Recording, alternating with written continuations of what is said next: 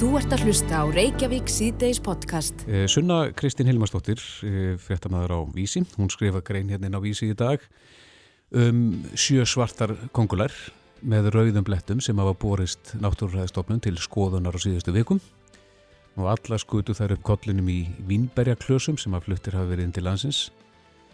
E, og það er mitt fjallaðum þetta mál á vef náttúrufræðistofnunar en e, þetta vekur aðtegli, það er að segja og óhug e, sko, margir get ekki ímynda sér hérna að, að lenda í þessu að, að stara í augun á svona svartri með rauðum blett Já, oft er þetta ekki tö, bara tvö augu, þetta eru oft fleiri.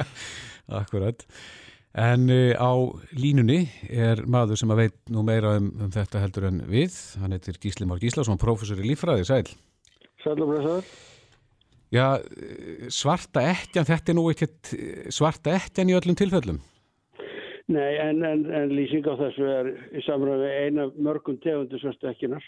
Já, Svarta ekkjan, það sem kallað er svarta ekkjan, eru nokkra, er nokkra tegundur af sömu akkvist og finnast í, í hlýri löndum og, og það er ekkert skrítið að koma þá með vimberði sem fluttir inn frá Kaliforni því að búsvæði hennar í, suður, eh, í, í bandaríkjónum er, er í, í Kaliforni fyrst og fremst innan um vimberja innan um vimberði, það er hennar veiði staður.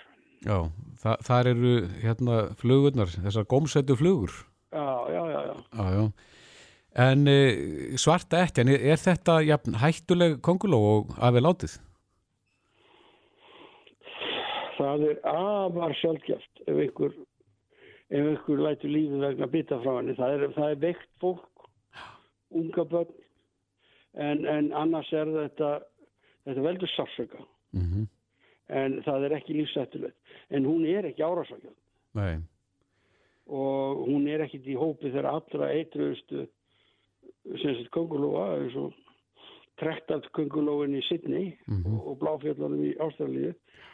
Það er venilega, ég getur, í mörgum tilfellum er það bannvænt að fá bít frá þeim. Já, og þær geta verið sko bara að vera með puttana nálat trektinu sem er búa í nýri, það getur verið nótis að það stingi það og, og sendi eitur inn. En, en svo verið að hafa í huga þá eitrið sér ansið magnað, Mhm. þá er það svo lítið magn við, við svona stærri dýru svo snáka og aðra slíka já, já.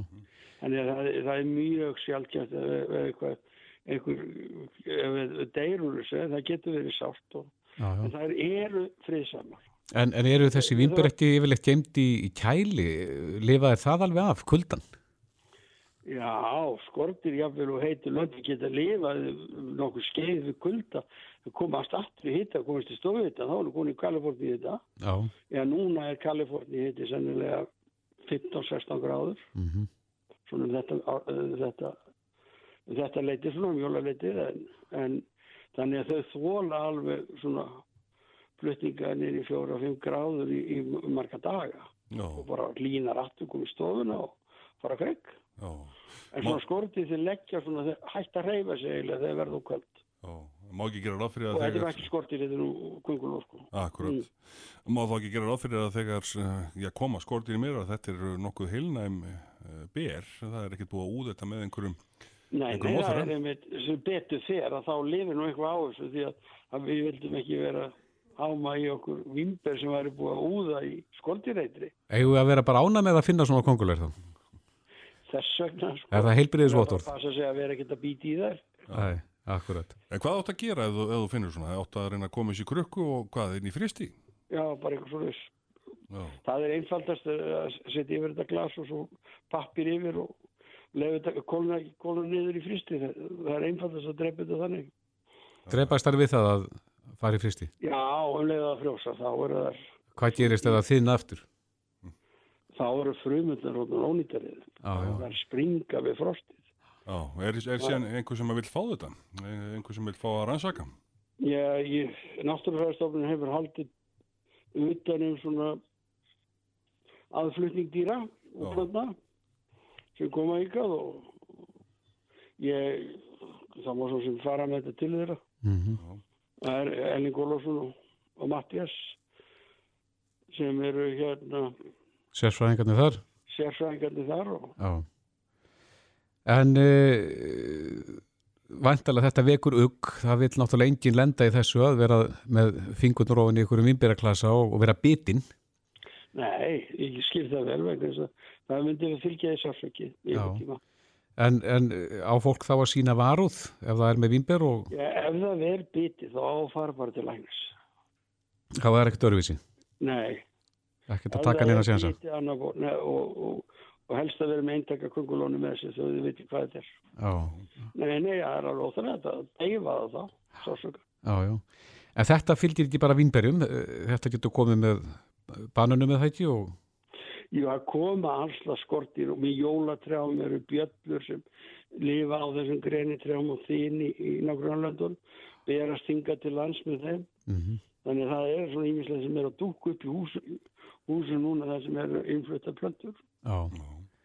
Ég manna fyrir mörgum áru síðan að þá uh, tók ég hérna jólatrið inn af sölunum og, og hérna og það var svona bundið upp og svo þegar það var hérna losaðum böndin og greinarna duttu svona niður þá held ég að við flóið sjö fyrildi og meðal hann Já. eitt svona stort og myndalegt svona haldið kongafyrildi. Það er ekki tónsennilegt, það er nú, það er nú svolítið sett, það er, sko, fyrst og fremst er það haustfyrildi sem er á, á, sem sagt, á flugi í november og desember í nágrannlöndunum, Já, söðu Skandinavíu og þar.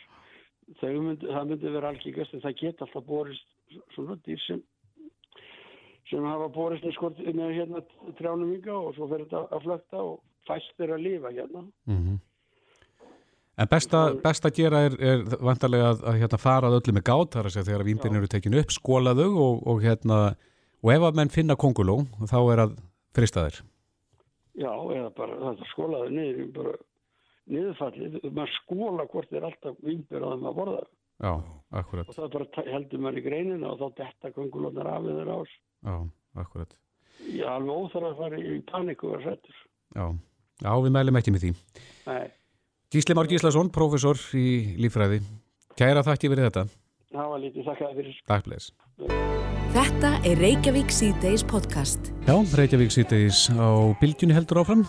Eh, Það er uh, miðvíkudagur í, nei, fimmtudagur í dag. Já, Það fer að stýttast í, í helgin og jólin en uh, við rákum augun hérna í grein sem að er ansi merkileg en uh, þar er talað um beint samband á milli þess að reyfa sig og betri heilsu og, og hvað uh, reyfing líkamlega árensla getur minka líkur á því að karlar sérstaklega þróu með sér uh, krabbaminn, blöðruhálskillis krabbaminn Já, En það er sagt af þessar rannsókn hérna í alþjóðlegu tímariti faraldsvæðinga. En á línunni er Jóhanna Eirún Torfadóttir, hún er doktor í líðhelsu og sérfræðingur í fræðslu og forvörnum hjá Krabbamessfélaginu, kom til sæl. Sælir. E, þú kíktir aðeins á þetta fyrir okkur og e, þetta er hansi stór rannsókn sínist okkur, 140.000 karlar það undir. Já, þetta, þetta er mjög stort. Þetta, þetta lítur út fyrir að vera einmitt bara mjög flott og velgerð rannsókn. Já, og hva, hver eru helstu niðurstöðunar? Þeir eru að skoða hérna, þeir eru náttúrulega sérstaklega að skoða þá sem reyfa sér mikið á móti þeim sem reyfa sér mjög lítið Mm og er að sjá að þú ber saman þessa tvo hópa að þá er hérna ertu í 50% minni líkum á, á að fá krabba minni er allt mennirnir.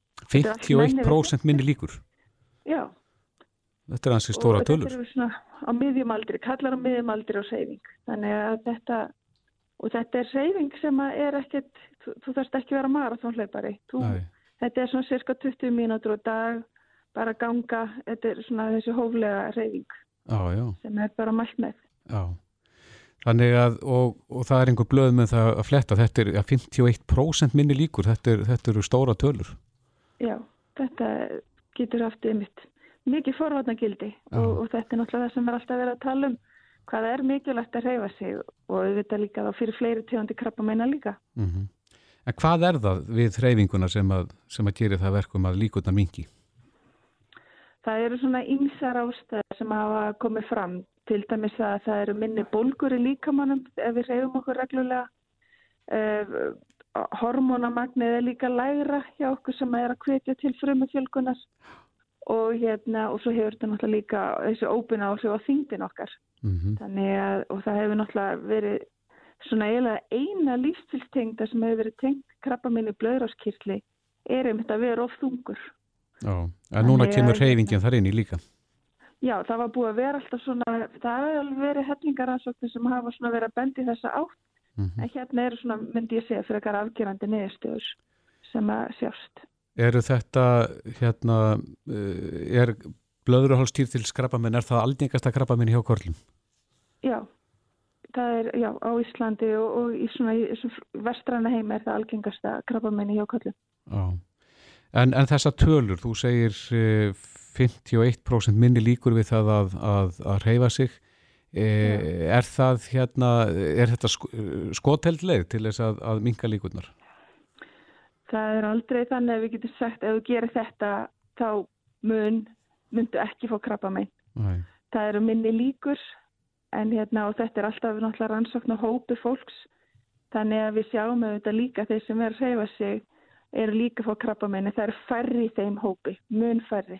Mm eða venjulega eins og þeir sitja þetta upp hérna að venjulega eins og í þessi þetta er breskrannsók þar eru venjulega einna móti sex sem að er að fá krabba mín í blöðuráskirtli einhvern Mhm. tíðan um æfina en ef þú væri með hópa mönnum sem að væri allir að segja sig mikið þá er það einna móti tólf. Já, það segir hérna í fréttinni að uh, í þessari rannsókn hafi verið litið til 22 áhættu þáttar sem að, sem að eru taldi geta auki líkur á blöðurhólstýrtilskrabamenni en, en að þetta hafi svona verið það sem að sló einna helst Já. rannsakandur, það er hreyfingin. Einmitt. Það er náttúrulega til fleiri áhættu þetta en það er þá eitthvað sem að við getum lítið að gert eins og fjölskyldusaga það sem er að koma inn erði líka og svo náttúrulega eins og líka ef við erum hávaksnari þá erum við líka, þeir sem eru hávaksnari eru í aukin áhættu á, á krabbameinum. Er eitthvað vitað af hverju? Það er svona ákveðna kenningar um að það sé hormonatengt á úlíksárunum þegar það er verið að vaksa þá sé meira ákveðna vakstarhormonum í líkamannum Sem auka líkur þá á á eitthvað svona þróun. krabbameinum síðan mér. Já. Já, já. Það er svona einn kenningin, en við erum aldrei al, alveg með öll svörin í, í þessu. Þetta er flókið samspil oft, já. margra þáttar.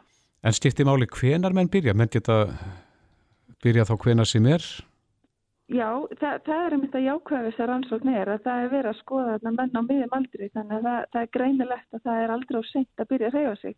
Einmitt. Og það er einmitt, verður svolítið stefið okkar núna þegar við erum að byrja að undirbúa móttumas á nýjárinu, að við munum einmitt leggja mikla áherslu á það að allt sem við gerum, hversu lítið samt sem það er, það skiptir máli. Mm og við viljum endilega hvetja til meiri hreyfingar. Já, þetta er nýja vopnið í þeirri baróttu, greinilega. Uh, já, klárlega. Það er náttúrulega líka við að hreyfing er staðförstur verndandi hérna, þáttur gegn krabbaminn í risli og endaþarmi sem er líka mjög algengt krabbaminn á Íslandi og, og, og í nágrannalöndunum. Þannig að hérna, jú, hreyfingin er ótrúlega mikilvæg. Já, þannig að stílabóndi þeirra sem eru ekki að gera neitt í dag, það er að koma sér af stað.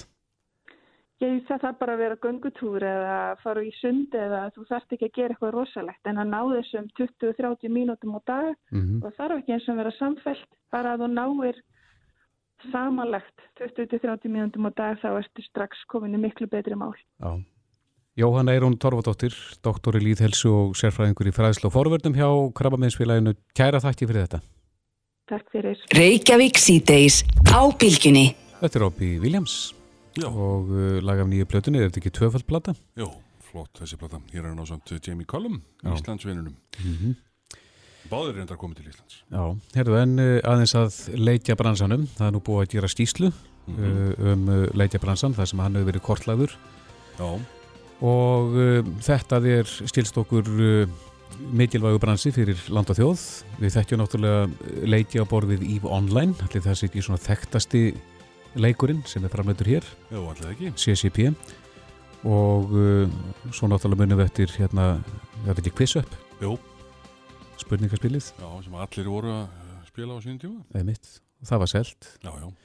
Herðu, en uh, á línunni til þess að ræða þessi mál við okkur er uh, Vignir Örn Guðmundsson, hann er formaður samtaka leitja framlegenda, komdu sæl. Já, komið sælir. Uh, þessi skýsla sem er nýbúið að gera, hvað svona helstu niðurstöður úr henni?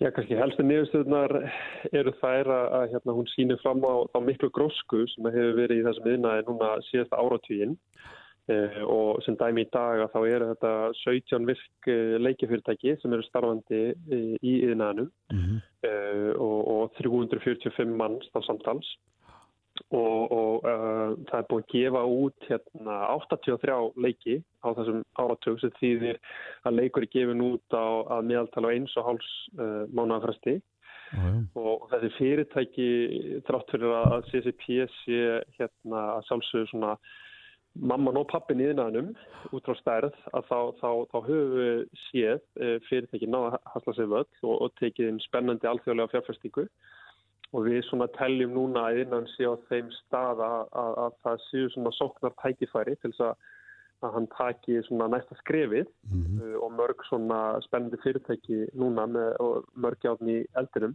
Getur þú nefnt okkur dæmi um, um svona kannski leiki sem að eru, eru odni stórir? Já, það eru raunni kannski leikir sem að eru byrjar að hasla sér völd og, og, og það eru hérna leikir eins og Starborn hjá, hjá Solid Cloud sem dæmi. Það er leikur sem er núna í, í prófunum með, með sínu leikið samfélagi. Uh, við erum með leiki eins og hjá Tea Time sem er hérna, leikur sem þeir voru að gefa út í síðasta mánu sem heitir One Word sem núna búin að hérna, fara af stað og er bara svona í vexti. Svo erum við leiki eins og frá hérna, Musila sem dæmi. Það er hérna þau eru búin að vera að vinna velun fyrir Musila Music School sem er hérna tónlistar eh, eða sko hérna mentaleikur eh, til að kynna krökkum fyrir tónlist og, og, og hérna að læra á hljóðfæri að kynnast aðeins uh, hvernig maður læri nótur og svo framins. Mm. Þetta er líka mjög fjölbreytti leikir sem eru svona uh, komnir náttúrulega sumir mislátt en, en við erum að sjá að, að það er líka vöxtur hjá þeim. Er, er hérna gott umhverfi fyrir leikjaframlegendur á Íslandi? Er gott að vera hér? Uh, það er alltaf gott að vera í Íslandi og, og hérna, hérna út frá líka bara gæðunum að vera á landinu og, og hérna og, og þannig mælikvörðum en hins vegar að þá sjáum við líka að það er margt sem við getum eld í rekstra umhverfunu það er margt sem við getum gert líka í, í áframaldi samstarfi eins og mestakerfið í að hérna, halda fram að kynna hvaða tækifæri eru í leikjænum því það er bara gríðalega fjölbreytt og spennandi störf í leikjænanum hvort sem það er þá viðskipta uh, tengt uh, og svo yfir kannski svona hefðbunnu hátækni störf uh, og leikjahönnunar og leikjagerðarstörf. En það er ekki síður á fjármálum viðskipta hliðinni, lögfræðlu hliðinni skapandi hliðinni markaðslegu hliðinni, þetta er gífurlega fjölbreytt eh, störfu og tækifæri. Já, talandu um þessi störfu og tækifæri, er nóga mannskap til þess að mann allar stöður? Sko það hefur alveg sínt sig, eh, bæðið það sem að sérfræðingunum sem að var hérna að tala við í skýslunni og svo náttúrulega bara líka niðurstaðskýslunum og sjálfrar er að e, sem að Norstak vann fyrir okkur hjá samtöku leikjaframlegenda, að það er að að, kannski svona sá mannuður sem er hérna í Íslandi að, hann er kannski, hann vantar oft hérna meiri svona sérhæfingu og, og, og sem dæma þá þurfa þessi fyrirtæki náttúrulega ofta að leita erlendis að sérfræðingu sem að eru þá með tilsættamentun eða reynslu til þess að koma að það sem er oft nokkuð floknar eh, framleystur á leikjum. Þannig að hérna, þetta er alltaf Þetta er alltaf tvíþægt, það er bæði hægt að laða að og auðvelda erlendu sérfræðing og koma til landsins. En svo ekki síður náttúrulega að vekja aðteglu og vinna í samstarf með okkar framhaldsskólum og uh, framhaldsskólum, mentaskólum og svo hérna háskólum í að uh, bara auðga í rauninni tækifæni sem er í að menta sig, tengta sem yfirnæg og fá þá bara meira af upprinnandi fólki uh, inn í hennan yfirnæg sem er þá aðeins tilbúinara heldur nella að koma inn í hann þegar það byrja. Hvað er íslenski leitjamarkaðurinn að velta háum fjárhæðum á ári? Það sem við sjáum núna síðan áratvíðin þá er þetta yfir 100 miljardar sem að hafa komið í veldu úr þessum yfirnæði og það náttúrulega er uh, lang uh, stærstur þáttur þar er náttúrulega viðvera og, og, og hversu tilkomið mikið SSP er uh, svona út frá hægtölunum og líka bara út frá fjölda starfsfólks en það er hins vegar 35% innan sem starfar hérna, í hinnum 16 fyrirtækinum sem eru í hérna, innanum þannig að við sjáum bæði að hann er græn út frá hagtálunum en við sjáum líka að hérna, það eru fullt af tækifærum til þess að uh, íta undir áhugan og íta undir umhverju þannig að við fáum fleiri fyrirtæki, vonandi fleiri fyrirtæki sem eru stærri. Og þá getur, getur þessi innan bara orðið mjög öflug útflutningsgrein uh, fyrir land og þjóð. Já, hvað eru margir starfandi séru í greininni hér á landi? Það eru núna uh, um 345 og, og þetta hefur fari, verið á beilinu svona 300 til 450 núna á síðustu svona 6-8 árum. Já. Og er þetta hálunastörf? Já, það eins og kemur fram í skýsluna þá hérna uh, eru þetta uh, skýrlega hálunastörf líka í samanbyrju við aðræðina hér innanland sem utan og það hefur náttúrulega sinna kost og galla, það hefur bara mjög spennandi og mjög aðlægandi kostu þá fyrir þá starfsmenn sem að, og þá aðalega sem hafa áhuga á því að koma inn í innæðin mm -hmm. en á móti kemur á þá líka eru ímist tækifæri til þess að lækka þann ekstra kostnað uh, sem er það uh, fyrirtæki megin uh, í þeirri jöfnu. Vegna þess að það sem við sjáum í löndum í kringum okkur er að þau átt að sjá tækifærin í að skapa sér sess í, í þessum alþjóðlega aftreyingar innan sem að leikja innan er því að þetta er innan sem er stærri heldur en kvíkmynda innan og tónlistari innan til samans í dag Aha. Þannig að það eru sóknartækifæri Það er mikið sóknartækifæri og, og hérna, við rauninni erum bara með þessari skísla að opna inn á þetta samtal núna eh, með stjórnvöldum eh, með í rauninni öllum þeim aðalum sem koma að stuðningsumkörðunni í kringum okkar yðnaði yfir höfuð og, og við ekki bara aðtegli á að, að við erum með bæði spennandi fyrirtæki og í rauninni stóðir í yðnanum til þess að uh, fara ennþá lengra. Já. Vignur Örn Guðmesson, formadur samtaka leitja framlega þetta. Kæra þakki fyrir þetta. Takk fyrir. Frettir og fróðleikur. Reykjavík síðdeis á bylgjunni. Já, Reykjavík síðdeis á bylgjunni. Við vorum að uh, ræða hérna þess áðan um hérna leitja bransan sem að hefur velt um 100 miljardum á síðasta ára á já. En uh, nástilt því er, er hátækni gagnaver. Það er gagnaver hér í Reykjavík sem heitir Reykjavík Data Center en þá hefur verið að skrifa undir samning við landsverkjun um að landsverkjun útvegi vantarlega og, og votti það að, að það sé eingöngur nótu græn orka þarna. Heiðar Guðjónsson, fórstur í Vodafone, komin, velkomin. Jú, takk hjállega. E, skiptir þetta miklu máli að geta sínt fram á þetta í, í dag að það sé nótu græn orka? Já, það skiptir greiðalegu máli. E, ef við horfum á atvinnugreinar í heiminum, hvaða atvinnugreinar nota mest að ramagni, mm -hmm. þá sögulega hafa það verið álver eins og við höfum svo sem orðið áþrjálega vörfið hér á Íslandi og álver hafa svona í sögunni verið að nota kannski 1,5% af öllu ramagni sem er framleitt í heiminum og verið stærsta einstaka atvinnugreinin. Svo hafa gagnaver núna verið að koma fram og þau árið 2017 átján voru komin upp í 7% markföld á við það sem í raun og veru álverin eru og um fyrirsjánlega framtíð þá munu þau vaksa. Þannig að þá er spurningin hvernig eru þessi gagnaver knúin, hvaðan kemur raforkan sem fyrir að knýja gagnaverin? Og ef við skoðum á heimisvísu að þá koma, kemur orkan að tveimur þriðjum hlutum uh, úr kólefnum í raun og veru, úr kólum, úr gasi og ólíu. Þannig að ég hef nú stundu nota sem dæmi uh, kólefnisfótspor eins poplags sem er á YouTube sem heitir mm -hmm. Despacito eh, svona, mér finnst ekki sérstaklega skemmtilegt lag en, en hvaða um það, aðrir hafa aðra skoðun á því en það er búið að streyma því 6,5 miljars sinnum mm -hmm. Og kólefnisfótspor þess er á við alla gulu leigubíla í New York í tíu ár Já.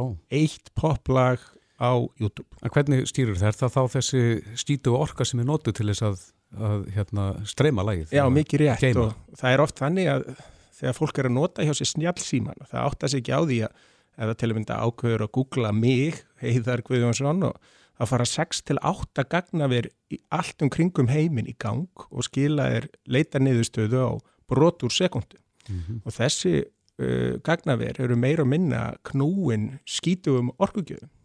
Hérna höfum við reyna orkugjafa og, og í ofanálag höfum við líka einstakt svona einstök veðurskiliði og það kannski geti ferið í taugarnar á fólki að ef maður segir það að meðalhittin á Íslandi er svo sami og við erum með á ískapnum heima hjá okkur, en svona fjóra gráður Uh, en það er hins vegar alveg kjör aðstæður fyrir gagnaver vegna þess að í öðru löndum fyrir gríðarlega orka í að kæla niður tölvunar.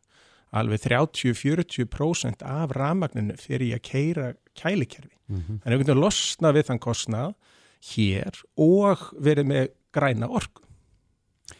En uh, hvernig gengur að fá stórfyrirtæki til að koma hinga? Þetta er vantilega mikil barátt á um þessa stæstu risa. Við getum nefnt Google, Facebook og Amazon og þessa. Alveg rétt og þau eru að verða meira og meira með, meðvituð um uh, sitt kólefnisfótspor. Það var eins og aðalfundi móðufyrirtækis Google og YouTube sem var fyrir einu og halva ári síðan. Þá var samþygt að þau ætlaði að vera algjörlega án kólefnisfótspors. En þeir eru ekki komið langt á þeirri vegferð. Þeir eru með svona 85% af sínu gagnaverum sem keira þá á skítugri orku. Mm -hmm. En uh, við erum að segja að hér á Íslandi hefur við nóga hreitni orku. Við höfum rosalega gott lofslag til að tempera svona kælinguna á gagnaverunum uh, og uh, hitununa á gagnaverunum, kælaði niður. Þannig að mér finnst Ísland bara að vera á góðum stað. Það eina sem vantar kannski hugsalega er nýr sæstrengur til Íslands sem myndi þá vera hraðvirkari og, og öflugri en þeir tveir sem eru fyrir og þá gætu við strax farið að streyma gögnum á milli vegna þess að tæknin er orðin slíka við gætum tekið þátt í, í svona uh, gagnavest bransa sem hinga til hefur þótt þurfa að vera nær viðskiptavinnum. Mm -hmm. Hva, hvaða markaður er að, eða land er að bjóða best í dag? Er, er Írland hérna átjósanlegu staður? Já, mikið rétt. Þeir, þeir hafa byggt svo upp uh, bæði kringu það að vera svolítið verstali í Evrópu og vera þannig gátt til bandaríkjana mm -hmm. en líka hafa þeir, þeir eiga svo sem nánast enga orku eða orku gjafa en þeir hafa náða að flytja inn mikið af orku sem er þá kjarnorka eða kólaorka eða gasorka. En svo hafa þeir keift græn skýrtinni þannig hafa þeir geta selt uh, Grænland sem, nei Írland sem eiginlega Grænland. Oh, að það sé allt hann að grænt. En en það er ekki alveg uh, sannleikanum samkvæmt. Mm. og auðvitað renna þessi, þessi skýrtins þeir hafa keift, þeir renna út. Og þessi samningur sem við vorum að gera núna hjá gagnaverðinu okkar, Reykjavík DC og var verið að kynningjaðir og var gerðu við landsvirkjun þetta er fyrsti svona reyni græni orkusamningurinn á Íslandi við gagnaverð mm -hmm. Hvernig með svona gagnaverð, er þetta plossfreg fyrirbæri? Og uh, Eh, er erfitt að byggja þetta? Er þetta flókið í uppbyggingu? Já, það fyrir eftir því hvers slags gagnaver. Við erum að reysa telju við, upplúast á tæknilegasta gagnaveri þannig að við erum með erlenda verktaka í því sem hafa gert lítið annað undan fyrir nárin að byggja gagnaver en, en í raun og veru þá er þetta e, bara eins og ótrúlega flott geimsluhúsnaði uh, með góður í loftkælingu og ef einhver fyrir að hugsa um fristi geimslur sem væri mjög tæknivættar að þá væri hann ekkit mjög fjari veruleikanum. Mm -hmm.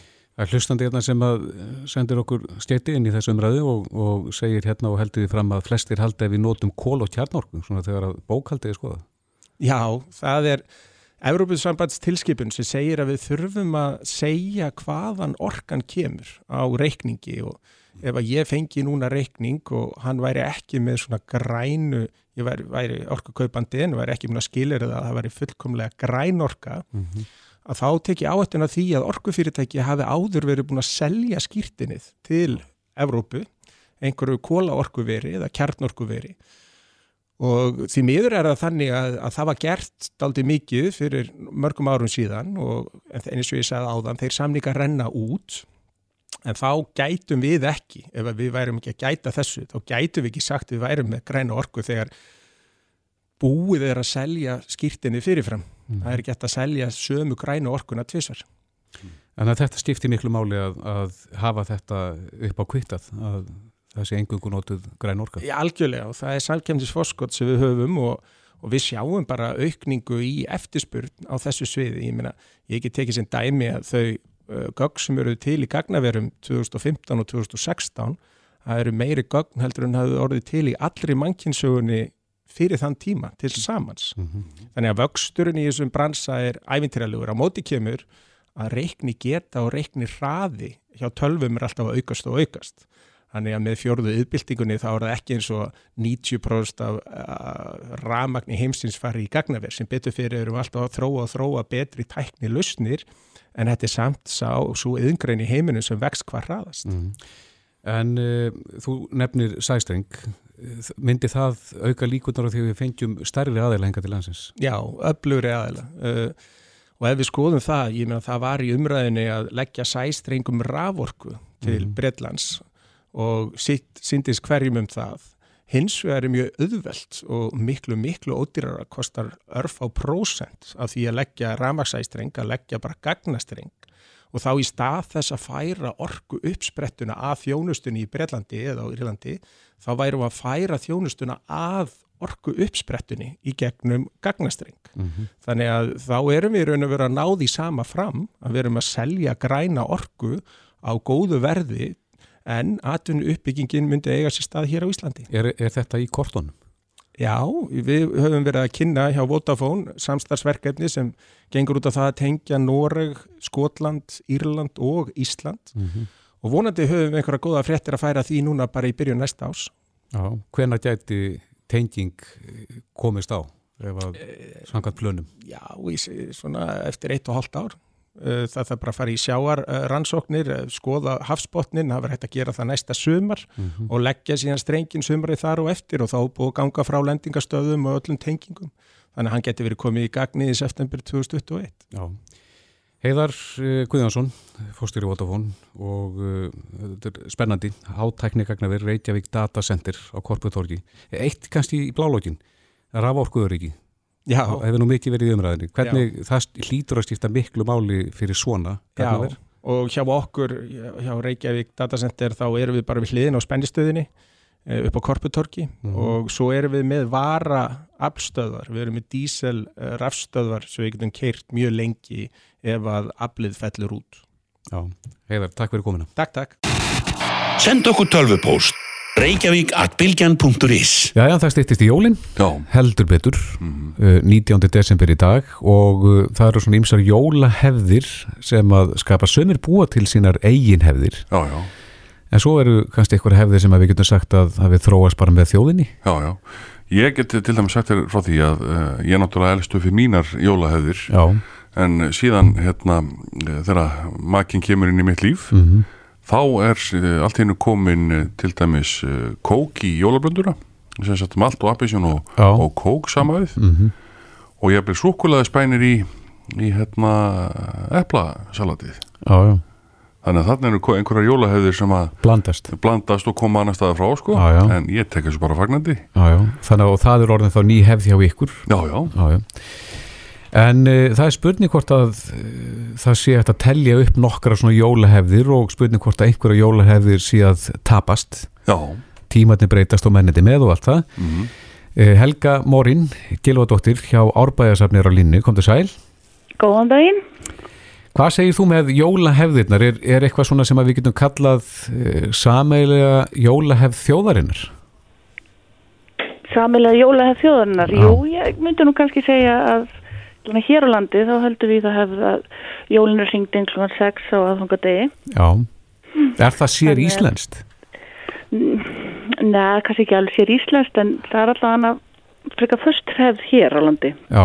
myndi ég segja. Já, og þá um leið eh, hefðað opna pakkana uh, sama kvöld. Já, já. En erlendist það ekki þetta að þetta gera þetta á jóladagsmorgni mm -hmm og ég hef svo sem frétt að því að sumi landar okkar eru farnir að færi þetta yfir á jóludagsmorgun það finnst að vera rólegra. Já. Taka kannski bara upp eitt pakka á fangöldaskvöld og, og svo gera þetta í fríðaróða mótninum Já, og eiga þá allan daginn fyrir sér? Já, ég er ekki erfnum við þetta staðfest en, svona, maður heilt þetta út undan sér. Já, þetta sé breytt. Og svo náttúrulega koma hérna flitu til landsins eh, fólk, nýjir íslendingar sem að, sem að bera með sig þá aðrar hefðir Já, við, við búum í fjölbreyttu samfélagi og fagnum öllu nýju, ég held að það ger okkur bara gott Já.